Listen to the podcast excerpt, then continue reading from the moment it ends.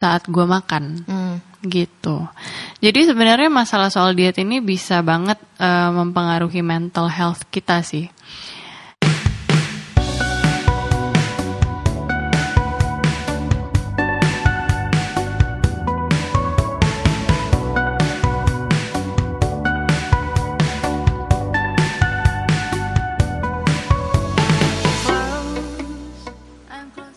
Hello, Halo.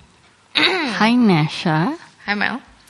Hari ini Sweet dulu ya siapa yang mau ngomong duluan Nggak, nggak pakai skrip sih, nggak Iya, boleh kita pakai boleh, skrip soalnya. boleh. Jadi dulu-duluan kayak gini deh.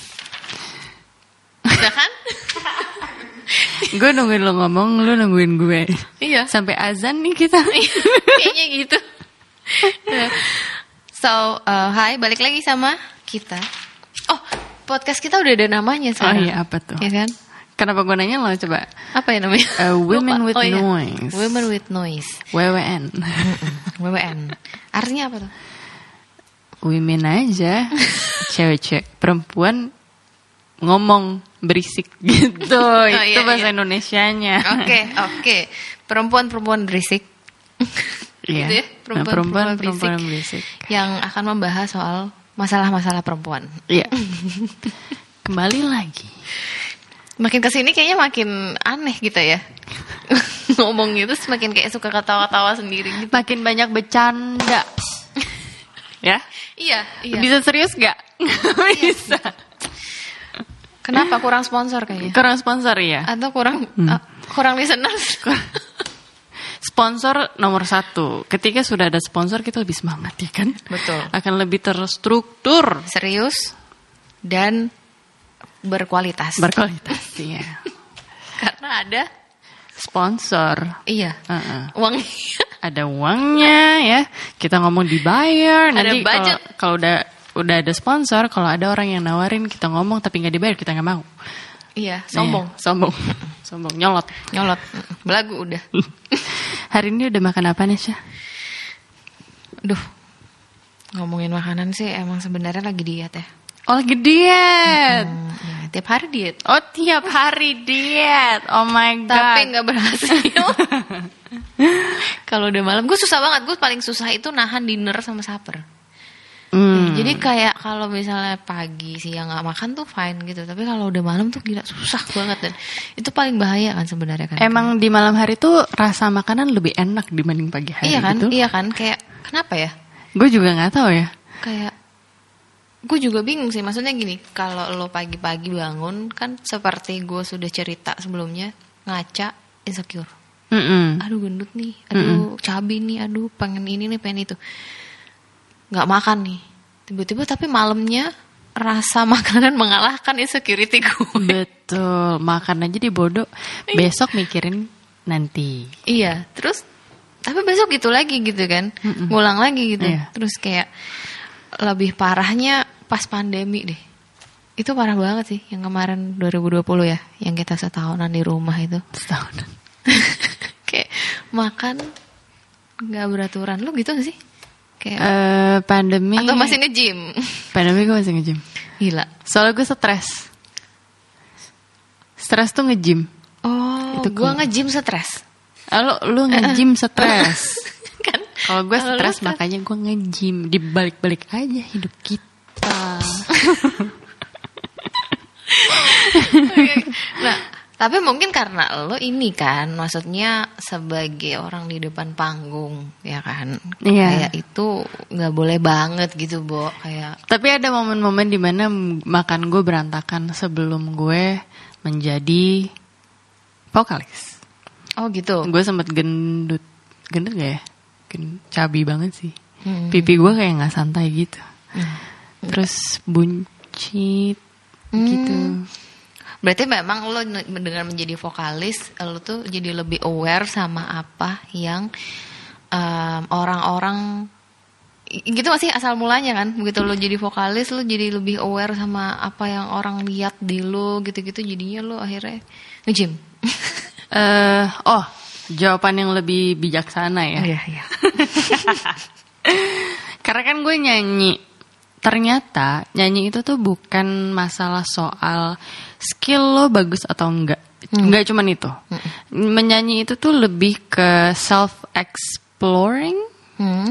Jadi eh, lo harus lebih kenal sama diri lo sendiri, terus lo physically harus fit, harus bagus. Karena kalau misalkan lo nggak hidup sehat, eh itu pengaruh sama nyanyi lo Hmm. secara tidak langsung. Karena badan lo kan nggak fit. Ba- eh, padahal instrumennya itu adalah badan lo sendiri. Hmm, Jadi gue eh, berinisiatif untuk membenarkan gitu. Hmm, lo mengubah lifestyle lo lah Yes. kan ya Mm-mm. bukan sekedar fisik atau apa yang penampilan luarnya gitu kan ya Mm-mm. berarti cuman efek sampingnya adalah ya jadi lebih better ya kan Mm-mm. daripada kayak kalau misalnya waktu lu nggak take care of yourself gitu yes, kan yes. ya gue juga waktu pandemi tuh ini banget sih berasa banget kayak kalau gue berasanya itu mentally ya Mm-mm. kayak dengan makannya kan nggak beraturan tuh terus kayak jadi apa namanya jadi terus nggak ngapa-ngapain di rumah doang terus nggak ada aktivitas ya ada lah ngejem ngejem yang YouTube gitu kan kan sempat marak ya marak Marak.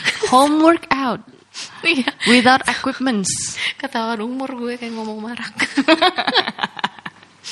kayak iya ya kayak gitu. Cuman itu bosenin sih. Kayak gue juga palingnya awal-awal doang gitu karena padahal sebelum pandemi tuh gue lumayan rajin nge-gym. Hmm. gue lebih rajin nge-gym di- dulu sebelum pandemi daripada sekarang gitu. Cuman gara-gara pandemi kebiasaan udah nggak nge-gym lah segala macam akhirnya ya eh, berkurang lagi gitu kan. Nah itu berasa banget. Gue sempet itu tuh gue sempet pengaruh banget adalah gue jadi nggak bisa tidur.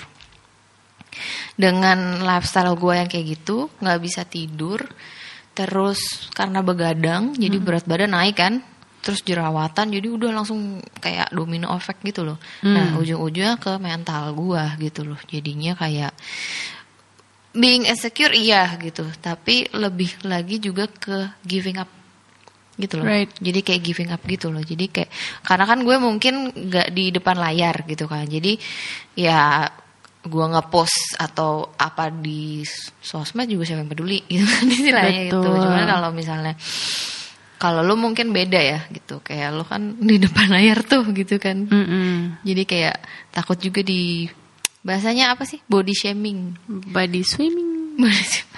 Iya, Di di sosial media kan tuh lagi rame tuh soal body swimming. Eh, body swimming apaan sih? Body swimming, shaming shaming. body shaming Di sosial media kan lagi rame tuh body shaming. Mm-mm. What do you think about body shaming? Se- iya pastinya gue setuju sih kalau misalnya kita sebagai eh, yang pengguna sosmed yang ngeliat-ngeliat gitu lah netizen lah ya sebagai Yes. netizen alangkah bagusnya kalau kita tidak membody shaming eh, dari apa yang dilihat gitu loh kayak Mm-mm. misalnya komen kayak eh, gendut banget sih, kurus banget sih, kok lengannya ini, lengannya itu, itu karena impact ya kan buat orang itu gitu, walaupun lo gak kenal gitu kan. Yes. Cuma itu impactful sekali sebenarnya dan lo nggak tahu state-nya mereka tuh di mana gitu Hmm, kan. hmm. Gue sebagai netizen gitu loh, kita mungkin ada ada baiknya lah, langkah baiknya kalau misalnya kita bisa stop that gitu. Tapi sebenarnya kalau gue lihat juga ada dua dua impact yang sebenarnya terjadi ke orang yang di body shaming ya. Menurut gua satu adalah dia jadi mungkin termotivasi. Oke, eh, wah gini ya, gue jadi motivasi. Oke, gua harus memperbaiki ini ini ini. ini. Gue berarti jadi bisa nerima itu dijadikan kritik dan saran yang positif ya kan. Yes. Tapi ada juga malahan yang sekarang lumayan ini ya menurut gua sendiri tuh acceptance mereka kayak seolah-olah acceptance tapi sebenarnya jadi kayak oh ya udah gue ini gue nggak perlu perbaikin ini gue nggak perlu nih padahal sebenarnya lo kalau misalnya lihat dia tuh eh, oke for example paling gampang berat badan lah gitu kan Mm-mm. berat badannya tuh sudah di atas eh, batas normal yang sudah sebenarnya akan memper- membahayakan eh, health-nya dia gitu. Betul. Kayak lo nih misalnya udah bukan masalah kelihatan bagus atau nggak bagus atau lo mau nyanyi kan, tapi masalah instrumen yang lo pakai ini badan lo ini harus dibikin sehat gitu Yes. loh.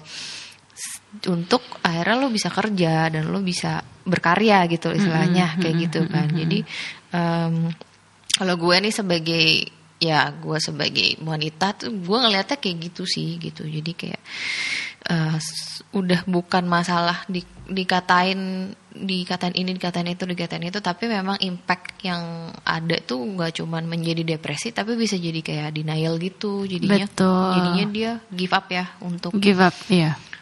Atau eh, sebenarnya iya mereka mereka mereka give up atau mereka merasa oh ini bener nih gitu. Kayak gue nggak apa-apa deh eh, nggak gue boleh makan sembarangan boleh hidup nggak sehat gitu. Dan mereka mikirnya nggak apa-apa gitu. Karena di sosial media itu banyak banget yang eh, bilang kalau you have to accept yourself. Mau berbagai bentuknya kayak apa gitu. Eh, jadi ya efek negatifnya itu ya soal body shaming ya. Iya, jadi mas, jadi tuh, ya acceptance ya.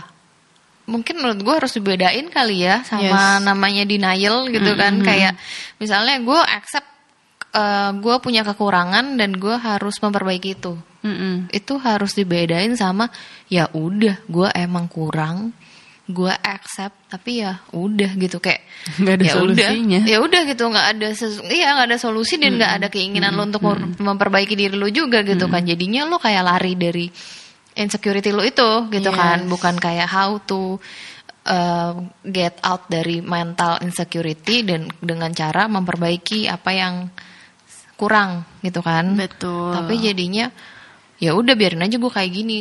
Terus ya lo terima gue dong kayak gini loh ya iya gitu. Cuman jadi kayak dan gue nggak mau ngapain kan nggak perlu juga diperbaikin karena ya udah gue kayak gini. Tapi kan itu jadi sebenarnya mengkampanyekan sesuatu yang nggak bagus juga gitu loh jadi mengkampanyekan eh, lifestyle yang misalnya kurang bagus gitu terus makan-makan yang sembarangan gitu kan nggak taking care of your body juga gitu kan. Jadi harus again harus balance ya kan? Semuanya harus balance betul. Eh, yang mau kurus juga tetap sama tuh problemnya mental juga kan. Karena banyak orang yang oh ba- banyak cewek-cewek sih yang mau kurus banget. Sampai terjadi mental mental health apa sih? Sampai mempengaruhi mental health mereka. Kalau misalkan makan tuh eh kepikiran. Gue pernah sih kayak gitu. Gue tiap hari kayak gini. Enggak, kalau pagi siang doang kan. Oh, pagi siang. Malam lupa. malam lupa. Gue kepikiran sih. Jadi kayak karena gue waktu itu sempat proses uh, cutting badan. Mm-mm. karena gue sempat cabi kan. Terus gitu gue cutting badan. Gue diet selama tiga bulan eh kurangin nasi cuman tetap makan tapi setelah gue melalui proses cutting itu gue harus balik lagi kan untuk makan normal Mm-mm. nah di saat proses makan normal itu gue jadi kayak setiap kali makan tuh gue kepikiran gitu Hmm. ujung-ujungnya kayak gue nggak enjoy saat gue makan Hmm. gitu. Jadi sebenarnya masalah soal diet ini bisa banget eh, mempengaruhi mental health kita sih, Iya, ya betul betul. Betul. Dan kalau emang nggak dijaga, again kebablasan kan. Kalau Kebablasan, nggak kontrol gitu. Dan Hmm. ya sama kayak soal menerima menerima ini ya, menerima kekurangan kita itu kalau lo lo masih tahu gitu lo beneran menerima atau lo sebenarnya Denial. denial. In denial aja. Dan menurut gue kayaknya menerima kekurangan itu adalah eh, apa ya? eh menerima sesuatu yang lu udah nggak bisa ubah kayak misalkan kayak tadi bentuk mata gue, eh masih bisa. Masih bisa kan sebenarnya gitu kan? Masih bisa. Apa yang nggak bisa gue ubah? Tulang kali ya. Tulang, iya betul. Iya tinggi pokoknya badan, tinggi badan. Eh Ting- tapi oh, lu bisa badan. pakai heels actually gitu Oh, kan. So iya, bisa sebenarnya makanya sebenarnya bisa. Kita mau berubah tuh bisa pasti gitu kan. Cuman at certain sampai sejauh mana kita mau berubah biar jangan ngelewatin jati diri gitu kan. Betul. Tapi juga accept- acceptance juga gitu. Kita mau menerima jangan sampai tapi give up gitu kan tetap Yes. tetap tetap kita juga tetap harus berusaha beru- mengubah gimana memperbaiki yang namanya dasar mulanya insecurity insecurity lo jadi motivasi lo gitu loh untuk berubah. Jadi bukan insecurity lo menjadi alasan lo kayak lo lari dari situ gitu loh kayak deny. Betul, ya betul. udah emang gue kayak gini gitu kan Betul. gitu. Dan itu sih yang karena kalau again kalau lo deny berarti kan lo kayak deny apa ya kayak deny itu kan berarti lo kayak give up. Berarti kalau give up lo jadi nggak love yourself lagi balik situ balik lagi ke situ. eh sebenarnya kalau misalkan kalau gue ya, gue sempat menjalani hidup yang kurang sehat. Eh, da- oh ya, teman gue juga ada yang kayak gitu. Jadi dia kayak 100 kilo gitu beratnya. Terus gila deh kayak makannya banyak banget. hmm. Lo tau sate kulit kan? Sate kulit. Mungkin kalau misalkan abangnya bi- bisa dibeli dia beli. Kayak dia beli banyak banget kayak puluhan tusuk sate kulit. Terus gitu dia makan setiap hari dan akhirnya 100 kilo. Padahal dulunya badannya itu fit Hmm. gitu. Doi anak basket. Hmm. eh abis itu ya tiba-tiba karena dia satu band juga sama gue, terus dia kepikiran untuk oh karena gue adalah seorang pekerja seni, jadi gue nggak boleh nih eh, hidup berantakan kayak gini. Akhirnya dia memutuskan untuk eh, jalanin hidup yang lebih sehat, which Iya. is nge-gym, terus makan yang benar. Sama satu lagi kayak diet itu tuh sebenarnya bukan berarti kita nggak makan. Diet itu kita tetap makan, tapi kita makan makanan yang bernutrisi baik, Mm-mm. gitu. Jadi eh, setelah dia menjalani hidup sehat itu, ternyata eh, secara mental dan secara fisik dia jauh lebih enteng, jauh lebih stabil, terus lebih sehat, lebih fit. Ternyata hidup sehat itu lebih enak. lebih nggak banyak penyakit juga ya Betul. Betul. Jadi ya, jadi kalau di body shaming diterima aja ya nggak sih? Jadi Diterima di- aja. diterima, jadi kritik. Hmm, kalau misalnya udah nggak bener nggak usah. Iya. Dan jangan jadi jangan dilawan ya. Betul. Kayak gendut tuh. Iya emang. Tapi habis itu besok langsung diet gitu kan. Jangan Iya. terus Iya emang terus kenapa gini-gini nggak mau gini nggak apa-apa terus malah jadi kayak ya lari dari situ kayak gitu ya. Iya, betul. Tetap tetap harus berubah.